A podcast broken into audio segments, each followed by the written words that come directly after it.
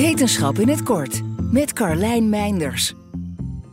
Hoe kan een hagedis zijn staart volledig laten teruggroeien zonder littekenweefsel?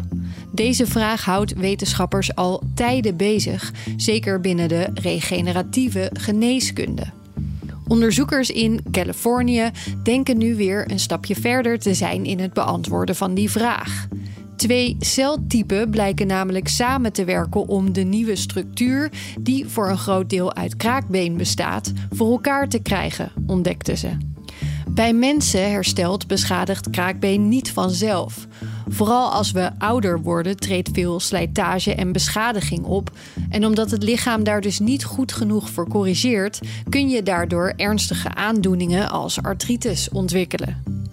Zouden we snappen hoe een hagedis dit oplost in zijn staart, dan kunnen we dit misschien nabootsen in de mens.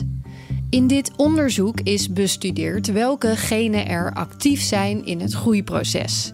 Specifieke genactiviteit onder bepaalde bindweefselcellen bleek de teruggroei van kraakbeen mogelijk te maken. En een specifiek type immuuncel bleek nodig om het vormen van littekenweefsel tegen te gaan. Beide processen zorgen er samen voor dat de staart zich kan gaan herstellen. Wat ze vervolgens ook nog hebben gedaan, is de ontdekte betrokken immuuncellen uit de staart van de hagedis in een ledemaat plaatsen. Dat zorgde ook daar voor de groei van kraakbeen. Ze zagen een vergelijkbare groeiomgeving met die in de staart ontstaan.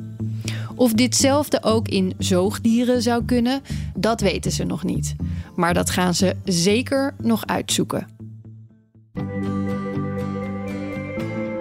Wil je elke dag een wetenschapsnieuwtje? Abonneer je dan op Wetenschap vandaag. Luister Wetenschap vandaag terug in al je favoriete podcast-apps.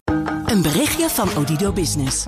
Hoe groot je bedrijf ook is of wordt, bij Odido Business zijn we er voor je.